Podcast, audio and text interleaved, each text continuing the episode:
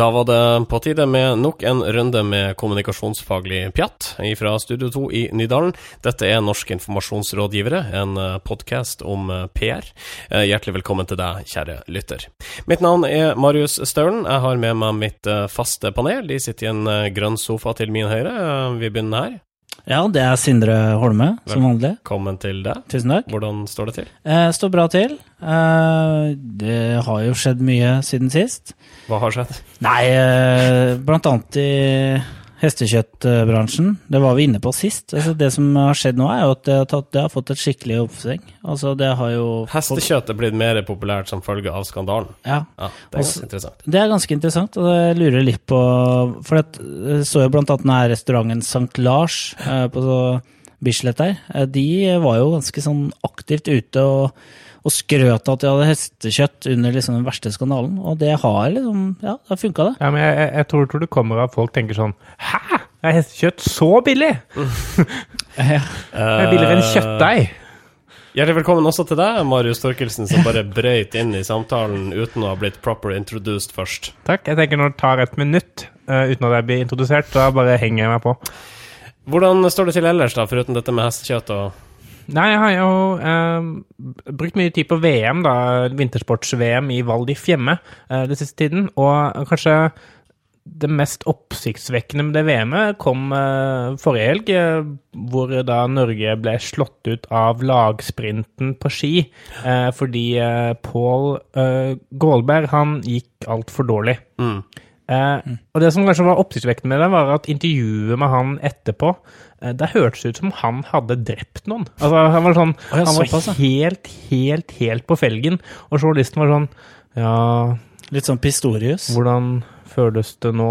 Ja. Dette kan være tøft for deg. Er ikke det typisk sånne sportsjournalister òg, da? Eh, når de da skal spørre Jeg så de intervjua Petter Northug i, i, samme åndedraget, og da var det kun sånne spørsmål som går på det emosjonelle, emosjonelle knytta til, eh, til eh, det ikke å vinne. Og det var sånn, ja, hvordan føltes det når du så at dette ikke kom til å gå? Ja, hvordan føltes det å være så langt bak? Hvordan føltes denne håpløsheten? Ja, ikke sant. Nei, men, og det han hadde gjort, var jo egentlig å komme bak fem andre personer på ski. Altså sånn ja.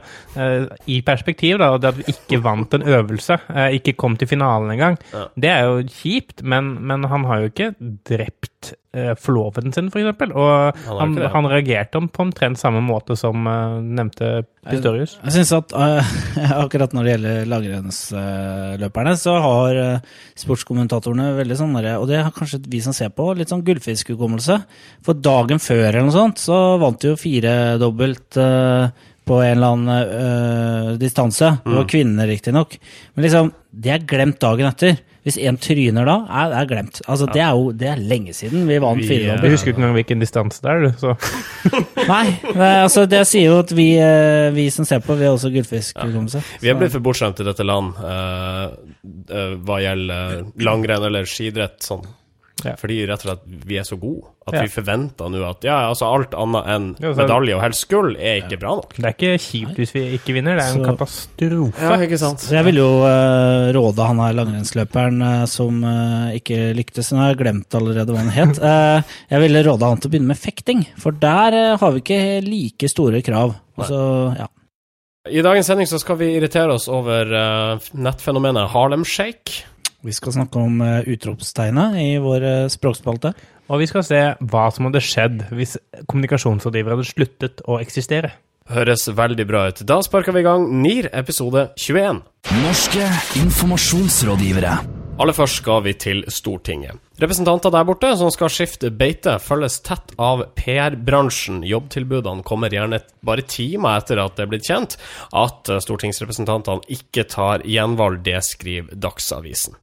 Ja, eh, det er eh, Dagsavisen som eh, er veldig opptatt av det. De, de sier jo at PR-bransjen her jakter politikere, ikke nødvendigvis for deres kompetanse, men for deres nettverk. Mm -hmm. Og det her er det da en Thomas Breen, som er en Ap-politiker, som sier til Dagsavisen og han sier at jeg har absolutt ingen kompetanse i det å drive PR. Jeg har ingen kommunikasjonsutdanning, selv om jeg selvsagt har erfaring med kommunikasjon. Eh, Da tenker jeg at i så fall er nettverket kombinert med kompetansen jeg har fått gjennom det å være folkevalgt, som man er ute etter. Det er altså en, en, en eh, politiker som har fått et jobbtilbud, som sier dette. Ja, det er riktig. Og han mener at eh, det er helt Han er kritisk til da, at man eh, For de mener da PR-bransjen, ettersom de liksom går så målretta mot nesten ja, i hvert fall veldig mange av de politikerne som eh, skal gå ut av Stortinget, så mener han at det er nettverket PR-byråene vil ha tilgang til. Men er Ikke det en ærlig kompetansen. sak? Jo, men jeg tror ikke det er helt riktig, for eh, i samme saken så er også Per Høiby administrerende direktør i First House intervjua, og han sier jo det at altså, grunnen til at man ønsker stortingspolitikere, er fordi uh, den kompetansen man i mange, altså mange tilfeller selger, det er først og fremst kunnskap om hvordan beslutningsprosessen fungerer på Stortinget. Altså egentlig samfunnskunnskap, da, samfunnspolitikk. Hvordan blir en, et, et forslag til en beslutning? Hvordan blir en forespørsel til en lov?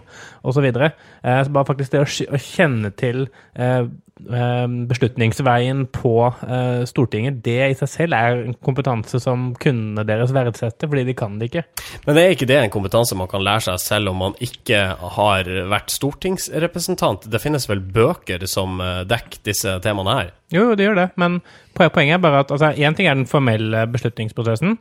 En annen ting er altså da det å kjenne hvilke personer sitter i de ulike komiteene, eh, og hvilke, eh, altså, hvilke ideologiske føringer måtte, føler de, de personene at de har, da, og hvilke strenger kan man da eh, trekke i for å få de personene til å måtte eh, beslutte eller ta en holdning som måtte er i favør av kunden. da. Og nettopp de sånn nyansene der på enkeltnivå, det kjenner jeg noen som har sittet på Stortinget som kollegaene deres i mange år. Altså, det er jo klart det, er klart det som eh, de politikerne også sitter med kunnskap om, det er jo partienes eh, indre liv, eller Stortinget sitt indre liv. Og de vet om litt mer eh, om nyansene i hvordan fløyene er innad i partiene osv. Men det er jo ikke noe, jeg mener det er ikke noe udemokratisk i å ha den kompetansen i et PR-byrå. Altså, de som sitter på eh, Altså De som sitter i fagforeningene, NHO altså, osv., de sitter jo også med den kompetansen, og de snakker jo med politikerne veldig ofte. Så her er det jo, så lenge, så lenge man er åpne om at uh, Altså, vi vet jo hvem som jobber i First House, det er jo ikke hemmelig ansattliste. Uh, og så lenge det er relativt åpent om uh, hvor folk jobber, eh, så mener jeg Skjønner jeg ikke helt eh, problemet her. Og det er en gammel eh, konflikt da, som eh, Dagsavisen drar opp her nå. Og det ligger jo litt i tittelen også, hvor de sier at eh, PR-byråene jakter eh, stortingsfolk. Altså Det virker som om det de er gribber, på en måte. Men om så var tilfellet at PR-byråene jakta eh, tidligere stortingsrepresentanter utelukkende pga. nettverket, og fordi de kjenner mange, eh, er det noe galt med det? Jo, men da blir jo på en måte altså, de eh, politikerne de ansetter, redusert til egentlig bare gatekeepere. Da. Altså, sånn, eh, hvis du ansetter meg, så skal jeg introdusere deg for han her. Og så får jeg da 30 000 i måneden eller 60 000 i måneden for å introdusere deg til folk. Og så er det måte det det. Men jeg syns hele denne greia vitner veldig om sånn som kommunikasjonsbransjen i Norge var da, for kanskje 15 år siden. Hvor eh, for å bli ansatt som PR-rådgiver, så burde du ha jobbet i en avis. Det var kanskje det viktigste kriteriet, for da kjente du til hvordan måtte, redaksjonene tok beslutninger, og hvordan måtte få solgt inn en sak. Eh, etter hvert har kommunikasjonsbransjen også blitt mer profesjonalisert.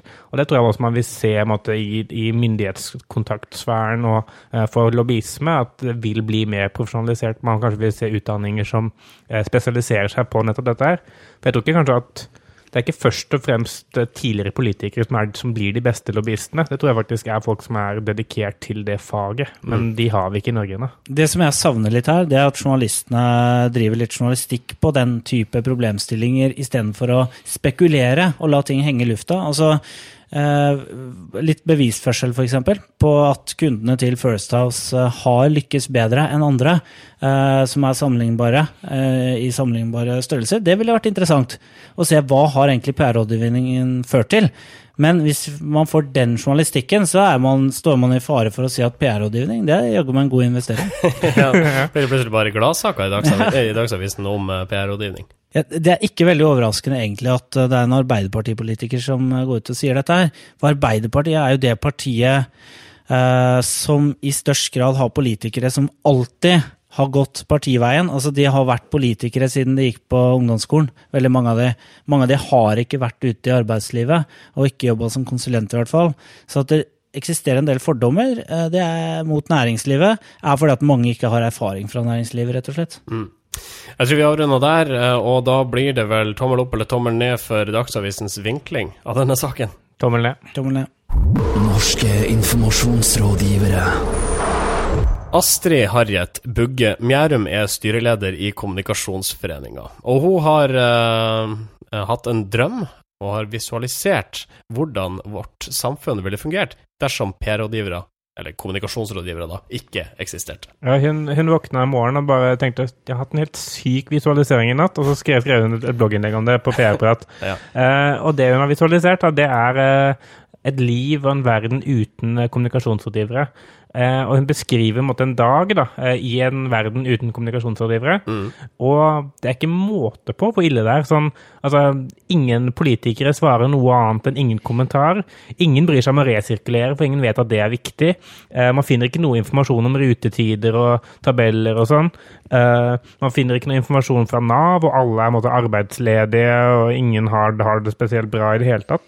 Ja, og I tillegg da, så sovner hun på sofaen på slutten av kvelden og pådro seg nakkeskade. For hun visste ikke at det var skadelig heller. Nei. Eh, så eh, essensen i innlegget er mer eller mindre at eh, hvis ikke vi hadde funnes, da, så hadde ikke verden eh, stått til påske. Nei, vi, er- vi PR-rådgivere er samfunnets hjul. Ja. Definitivt. Altså her, eh, Det Mjærum egentlig beskriver, er vel et samfunn eh, med Alzheimer-pasienter. Altså Ja. Som ikke lærer noen ting. Eh, eh, aldri egentlig klarer å tilegne seg kunnskap som man eh, ja, som man klarer å sette i, eh, ut i livet før man har glemt igjen. Altså det, er, det går for langt, da. Altså, altså Folk har jo kommunisert siden tidenes morgen. Det ser man jo på Det er jo bygd varder rundt omkring. og Hjulet er jo oppfunnet, for eksempel, som Ja. gjorde at man kunne trille fra, fra by til by. Vi er selvfølgelig glad i jobben vi sjøl gjør, men her så går Mjærum eh, Ja, altså, hun, hun, hun prøver jo å måtte vise et poeng og måtte vise verdien av, av PR og kommunikasjonsrådgivere. Eh, og hun gjør det på en veldig sånn karikert måte som blir veldig lett å angripe fra den andre siden av bordet, kaller det. Fordi hun, hun fremstiller Altså, hun fratar oss som måtte, mottakere av informasjon for alt ansvar. Da. Altså, vi klarer ikke å finne ut av noen ting selv hvis ikke noen forteller det til oss på en lettfattelig måte. Mm. det er liksom hennes utgangspunkt for dette. Eh, og eh, hun- har et godt poeng sånn i form av at vi, man, altså informasjon og kommunikasjon spiller en viktig rolle i samfunnet etc., men som Sindre er inne på, altså, når hun karikerer det så mye, da, så, så mister liksom, Alt poeng forsvinner i, i bare rart. Så det er rett og slett et fravær av en sånn grunnleggende tro på menneskehetens evne til å ta til seg Ja, informasjon til og kommunisere på egen hånd. Ja, det, er- det er litt sånn synd, for Det er ikke noe tvil. Vi sliter, eh, rådgivere sliter ofte med å fortelle andre hva vi driver med, og hvorfor vi gjør en forskjell. Og, men her blir det alt og ingenting. Og det er nok, eh, Hun er nok også prega av at hun eh, til daglig jobber i skatteetaten, hvor kanskje nettopp eh, den hverdagen hun beskriver, stemmer litt. Altså, for det er, altså, Hvis ikke de hadde funnes der, da, eh, så hadde det nok kun vært tull. Altså surr og regler og rot. Og det er rotete nå. Tenk Ja. hvor rotete det hadde vært uten kommunikasjonsrådgivere. Ja, ja, ja men det er helt, det er helt sant. Eksempel i skatteetaten eller et forsikringsselskap. da. Altså Hvis man f.eks. en jurist skulle bli satt til å kommunisere med eller kundebrev, da tror jeg ikke kundene hadde forstått så veldig mye. Nei. Eh, så uh, Mjærum gikk for langt her, rett og slett, så da antar jeg det blir tommel ned, da. Tommel ned for, altså, tommel opp for forsøket, tommel ned for utførelsen. Og du kan lese hele innlegget på prprat.no. Norske informasjonsrådgivere. Da skal vi til VGTV og det populære nettprogrammet Turnquist Show, som nylig forsøkte seg på noe som omtales som live-reklame, og forsikringsselskapet If var først ut til å teste ut dette nye formatet. Eh, Yes, det var det. Eh, Forrige utgave av Turnquist Show. Uh, Ca. etter 15 minutter så sier eh, Einar Tørnquist å nå over til reklame, og så panorerer bare kameraet rundt. Eh, Eller det faller liksom i bakken og, og panorerer rundt, og blir knust. Og så hører man den velkjente If-sangen eh, Don't You Worry About A Thing. eh, greia, og så, liksom, så filmes det en person som står og spiller gitar og som synger Don't You Worry About A Thing, og så blir kameraet fiksa igjen. Ja. Og så er programmet på igjen. Hva syns vi om det? Vi så det nå før vi gikk på lufta. Det, det som jeg uh, bet meg merke i, som jeg syns var litt sånn elegant gjort, det var at uh, det er uh, Det var ikke et sånt brå overgang til reklame, fordi at jeg følte at reklamen hadde noe av den samme stemningen og humoren i seg som Tørnquist-show har. Ja. Det er litt den sjar- samme sjarmen. Så jeg syns det var løst på en ganske smart måte, for det virka veldig godt integrert. Turnquiz er jo et uh, ganske sånn løs i snippen-program. Dette her vil vel tvilsomt fungere i alle programtyper. Nei, sånn Dagsrevyen, for eksempel, så hadde det vært veldig rart. eh. Det hadde vel vært brudd på en del uh, presseetiske regler òg, i tillegg. Jo.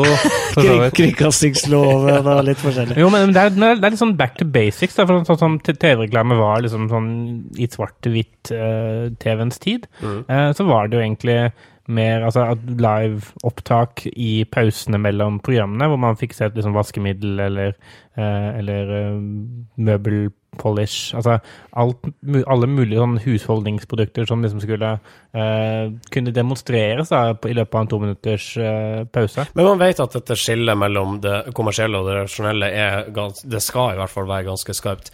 Lykkes man i å sette det krasse skillet når man har annonsør i studio sammen med eh, programleder? Ja, det er ikke noe fysisk eh, skille lenger. Det er jo det som er nytt. Ja, og så tenker jeg at eh, ja, en ting er jo det, altså Det kan jo framstå som, som en måte, sånn annonsørfinansiert TV, som nå jo er i lov, så vidt jeg vet. Men en annen ting er jeg tenker for If, da. altså man er avhengig, altså If er avhengig av at folk eh, har sett disse reklamene før, for i det hele tatt forstå hva i all verden det er som skjer. For er- man ser bare en fyr med gitar som spiller en sang med en If-logo i bakgrunnen. Eh, og hvis man ikke da måtte ha noe kobling til at If er et forsikringsselskap som fikser ting for deg, eh, så, så vil det jo ikke gi noe mening. Eh, så for annonsører som ikke er kjente, er kanskje ikke dette måten å Nei. gjøre det på, da. Så det ville ikke fungert f.eks. at en representant fra Lilleborg kom og sto der med eh, en skitten kopp og sto sånn 'Vaske, vaske, vaske, hjerte, hjerte!' og vaska med Zalo. Vaske, vaske, vaske!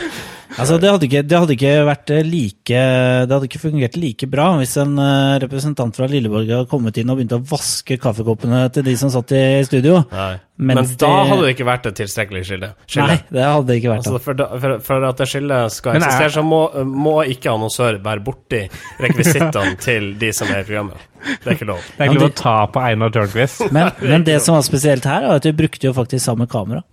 Ja, Ja, gjør det er sant. Det gjorde det. gjorde de. Så det er lov, da. Men, men det som jo er det som kunne vært interessant, er sånn, altså, sånn, det er mange måter å ta dette videre på for andre. Sånn, altså Han liksom går ut uh, i reklamebussen og skifter klær, og så kommer det liksom en fyr fra Cubus og kler på den. Eller, det er Mm. mange ting man kan gjøre der. Eller han får liksom et glass cola han drikker, eh, eller Pepsi Max, det er vel kanskje som er tungt inne i VGTV. Det finnes mange måter å måtte inkorporere det på. da. Eh, Så jeg lurer, Det er et godt poeng hvor det skillet skille egentlig går. Har man liksom lov å ta på Einar i pausen? Uh, tror dere vi vil se mer av den type, en sånn her type utradisjonell reklame i årene som kommer? Eh, Jeg tror garantert vi kommer til å se lignende initiativ. Fordi det er en satsing i, hos mediebyråer og i mediebransjen å få til nye formater å reklamere for produkter på. Og produktplassering er jo blitt, eh, blir jo nå lov. eh, Og dette eksempelet her med If, det er jo det er jo laget av OMD Engage, som er en, et mediebyrå som eh, har en avdeling som jobber kun med produktplassering. Mm. Men vi har aldri slå god gammeldags PR, tenker jeg. Så man kan jo holde på, det er søtt. Men det funker ikke, funker ikke så godt. Nei. Tommel opp eller tommel ned for nye måter å reklamere på? Tommel opp. Da skal vi ta turen til eh, byrået NordPR. Der har de en kar som heter Trond Albert Skjelbre på partnerlista, og han gir nå ut ei bok om PR-bransjen sett fra sitt ståsted. Yes, Trond Albert han eh, har jobbet over 20 år som eh, konsulent i ulike konsulentbyråer. Og han skal nå gi ut en bok som skal hjelpe andre til å bli en like god konsulent som det han er. Eh, og PR-bransjens hemmeligheter, det er liksom eh, ingressen som, som hører til en sak som, eh, som eh, vi fant på NA24 tidligere denne uka. Eh, og der ligger kanskje noe av, av krukset. da, fordi eh, Hvis man besk skal gi ut en ganske kjedelig bok om å være en flink konsulent, og altså beskriver du som en innsider som lekker hemmelige PR-bransjeråd, da får man et oppslag eh, på NR24.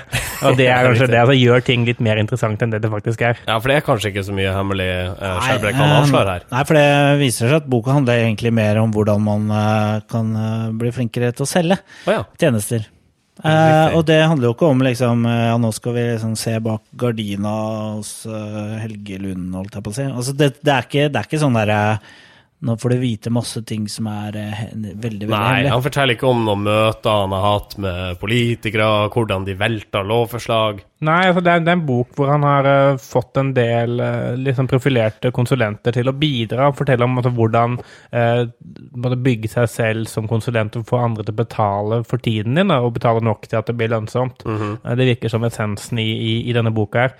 Og så er det egentlig utover da overskriften som er 'skal avsløre PR-bransjens hemmeligheter', og ingressen som er 'innsidere tatt i pennen', så er det ikke noe mer i den saken som virker spesielt interessant. Nei. det, resten er egentlig bare skrivetrening, Ja, men det- hvordan forfatte en pressemelding. Ja, jeg skjønner liksom ikke at uh, Det er et intervju med Hilde Kristoffersen i Fagbokforlaget som står bak her, og hun sier at uh, han har veldig praktisk og konkret tilnærming til temaet, og han tar opp sidene ved konsulentrollen som du vanligvis ikke lærer før du måtte ha vært gjennom det.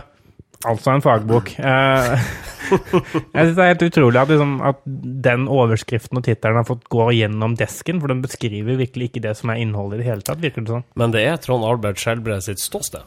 Ja, tydeligvis.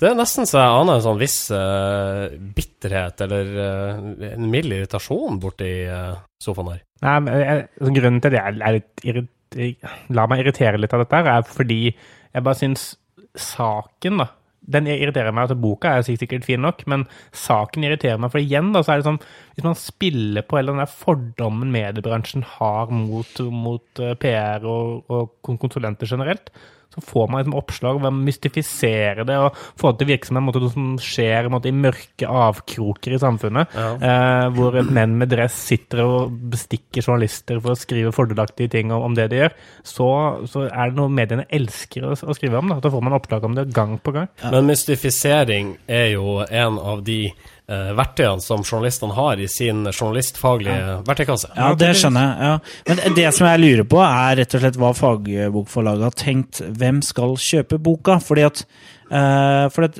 uh, før du blir konsulent, da, eller før du liksom skal begynne å tenke på om du skal lykkes som konsulent, eh, så bør du vel begynne å tenke på hvordan du skal bli flink i PR. Altså, hvor lenge du er flink til det du driver med, så er du da faglig trygg og har da stor forutsetning for å lykkes. Eh, men liksom, hvem er de folka som da på en måte Først og fremst bli konsulent, og så finne ut hva det vil råde om etterpå. Ja, er det, er det det man skal nå? Ok. Jeg har lyst til å bli konsulent, men da må jeg er først og fremst konsulent, ikke rådgiver.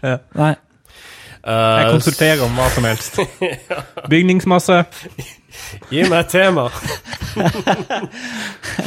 tommel opp eller tommel ned for denne vinklinga, da. Tommel ned. Tommel ned. Tommel opp eller tommel ned for boka. Jeg vet ikke. Bare kjør på.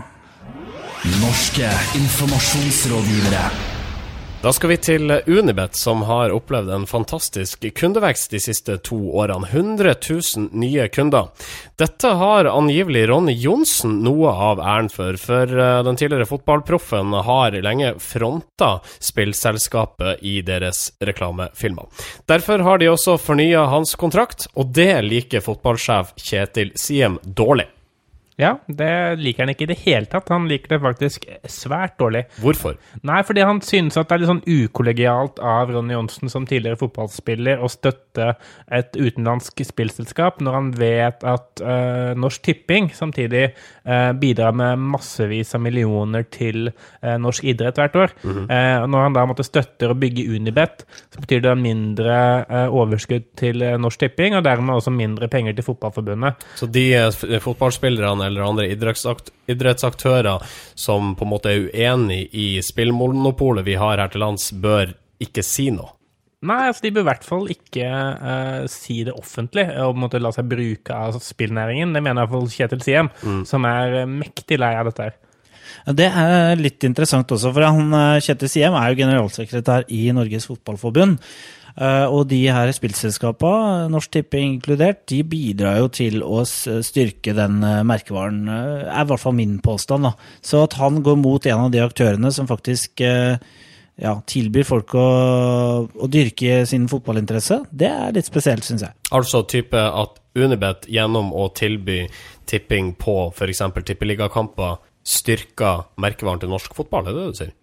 Ja, eh, jeg mener at det, det er Det er en litt interessant ironi der, fordi eh, det er jo eh, ja, det er jo lov til å spille, og det er mange som måte Det er jo mange som da syns fotball er interessant nettopp fordi det går an å spille på det.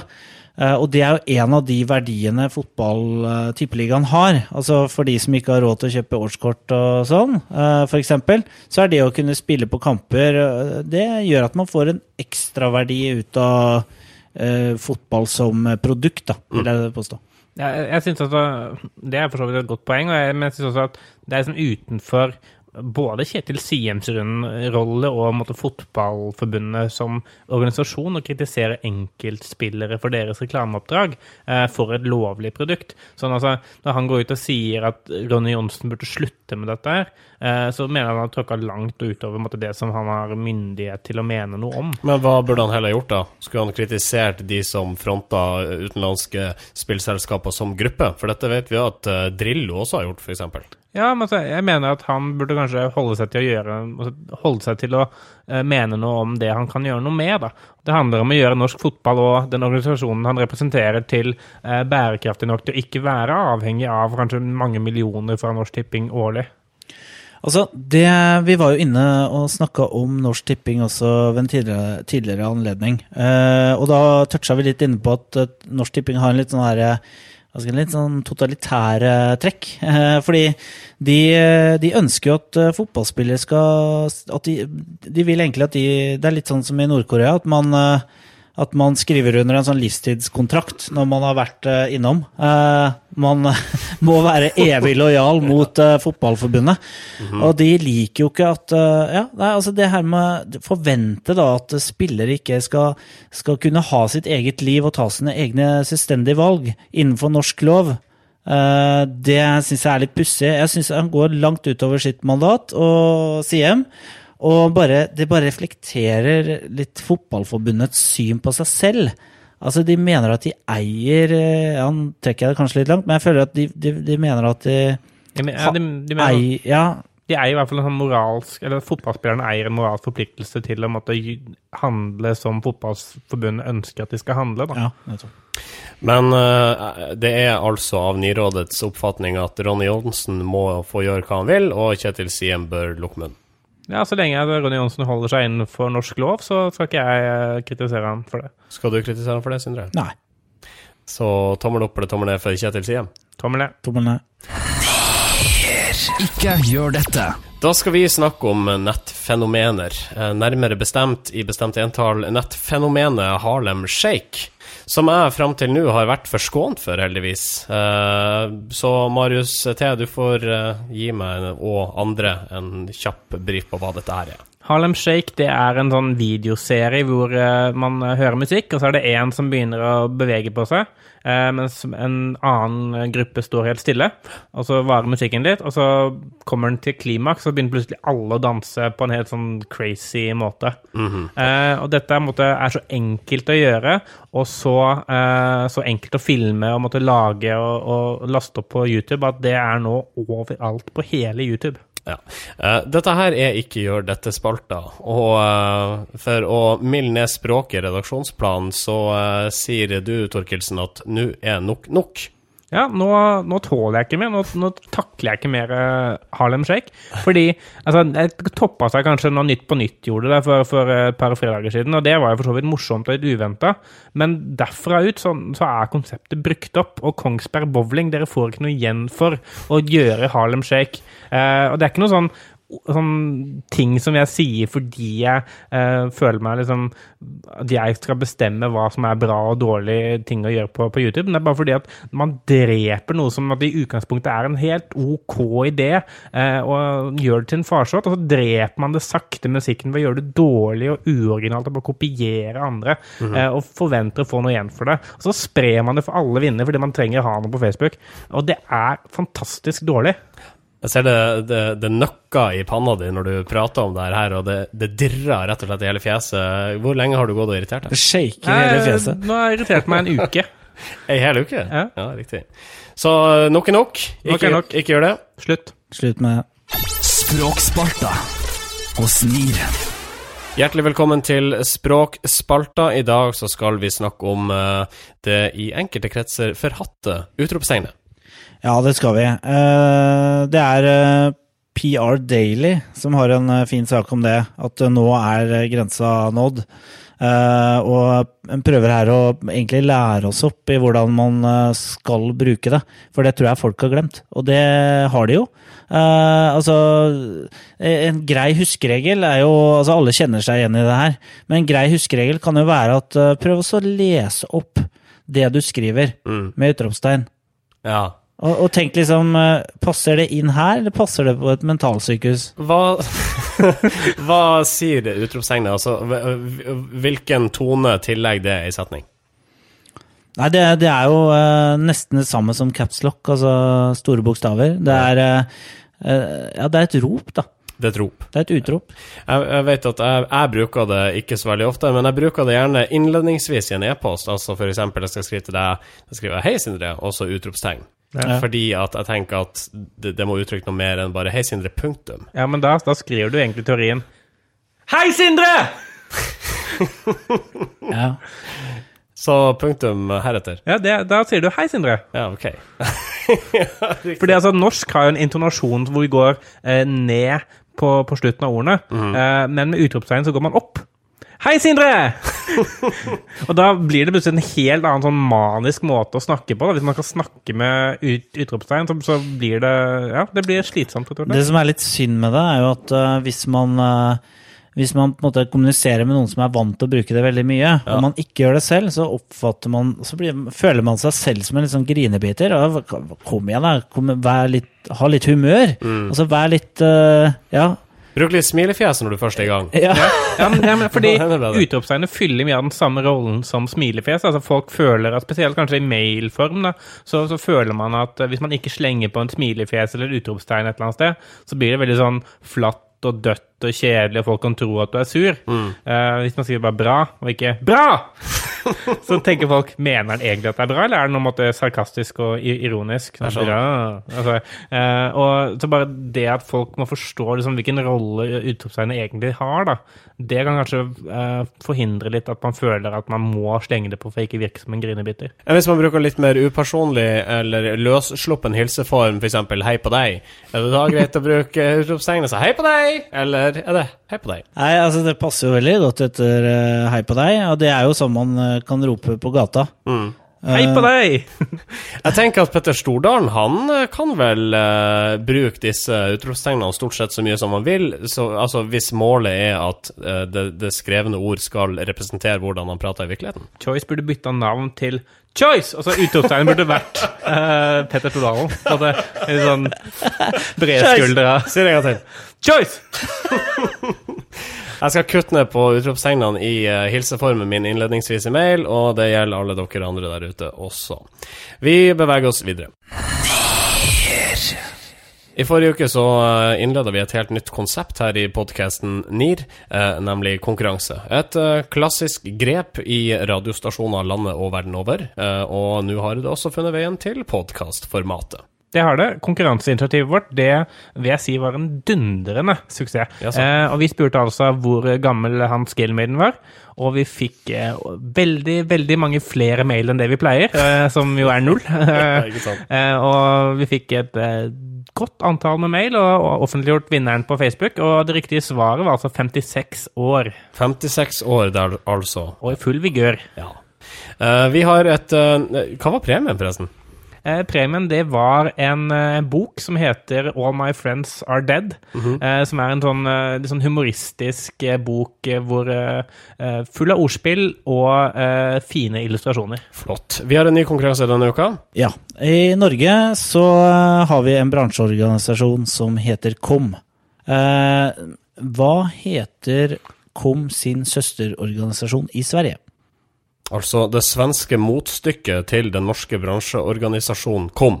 Helt riktig. Hva heter denne organisasjonen Ja. i Sverige? Takk for at du ja. gjorde det klart. Hva heter eh, KOM i, i Sverige? Ja. Heter. Du sender ditt svar, og helst også et navn og en adresse, til vår e-postadresse nearcast at yahoo.com, og vi trekker altså en vinner som offentliggjøres på Facebook uh, i løpet av neste uke. Ukas kudos. Denne uka så går eh, kudosen til eh, det norske nettstedet slik og derfor.no. Hvorfor det, Marius Torkelsen? Det er fordi eh, de har tatt kritikken av norske nettaviser på kornet og lansert en side som henter ut alle saker fra norske nettaviser som begynner på enten slik eller derfor. Sånn som for eksempel Slik spriter SAS-ansatte opp jobbhverdagen sin. Derfor kritiserte hun Bjørgen. Derfor smiler Johaug. Så videre, og så videre. Kan jeg legge til? Derfor stilte de knallbrune til debatt. Så det er, ikke, ja, det er ikke måte på hvor uh, i, I hvilke sammenhenger man kan se disse orda, da. Hvorfor er det galt egentlig å, å bruke de? Jeg, jeg ser, Når man samler alle på ett sted, så ser det kjemperart ut. Men Jo, men det er sånn, altså fordi eh, nettjournalistikk har eh, blitt redusert i mange tilfeller til en sånn derre ekstremversjon av liksom, forbrukeropplysning. Da. Eh, alle, du kan få svar på alle de tingene du egentlig ikke lurte på. Eh, og det er enten sånne slik-saker, sånn slik gjør du det, slik får du flat mage på to minutter, uh, slik spiser du havregryn på riktig måte, slik koker du egg, eller sånn derfor er Tone Damli uh, Aaberg singel, osv. det er en klikkteaser, rett og slett. Ja, det er en klikkteaser, fordi du kan si det er jo ikke noe informativ tittel. Det er jo ikke titler som skal gi deg eh, på en måte svaret. Den, det svaret får du ikke før du har klikka på tittelen. Og det er på samme viset som disse ingressene som sier noe sånt som 'se den elleville videoen her', eller 'se hvorfor her', og så står det liksom over 'derfor smiler ikke Linnea Myhre'. Du vil ikke tro hva som skjedde.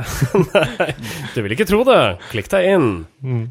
Ja, for det, det er interessant, fordi altså, nettjournalistikken har også ført det til VG har gjort det en del, at eh, det vanligvis er måte den, eh, denne omvendte trekanten hvor eh, overskriften skal gi en kort, eh, kort oppsummering av hva saken er, og ingressen skal utdype det litt, og så skal på måte, det viktigste komme først i brødteksten.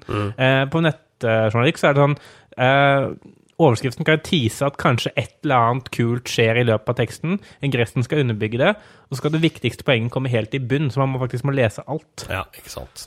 Kan vi følge slik og derfor på Twitter? Definitivt. Det kan vi følge på slik og derfor. Med snabela foran. Norske informasjonsrådgivere.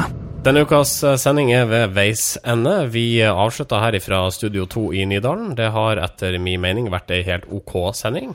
Ja, altså, det har vært OK pluss. Ja, altså. Midt på treet, litt ja, Nei, nå må dere gi dere. Det har vært Altså, jeg har kost meg. Jeg har fått snakket mye mer enn det jeg pleier, fordi Sindre har vært kommet litt dårlig forberedt. Og det fører Det gjør fall at jeg går ut herfra med ekstra fjær i steget. Og jeg kommer til å nikke og tippe hatten min mot unge kvinner som passerer meg. Så hvis dette her hadde vært en konkurranse mellom dere to rådgivere i sofaen, så er det du som går seirende ut av den konkurransen, Torkelsen. Ja, landslide, som de sier i USA. Eh, Du kan eh, følge oss på Facebook, du. Facebook.com slash eh, Nearcast. Vi har også en e-postadresse. Send inn ditt svar i konkurransen, og vi lover deg en ja, i hvert fall middelmådig premie. Du kan også kontakte oss om hva som helst ellers. Nearcast at yahoo.com. Vi er selvfølgelig tilgjengelig i iTunes, men eh, for deg som foretrekker andre avspillere, eh, så har vi også en SoundCloud-konto. Soundcloud.com slash Nearcast. Ja. Da tror jeg vi eh, setter den berømte sluttstreken ved å si våre navn høyt og tydelig. Mitt navn, ikke utropstegn bak navnet, forresten. Eh, mitt navn er Marius Staulen.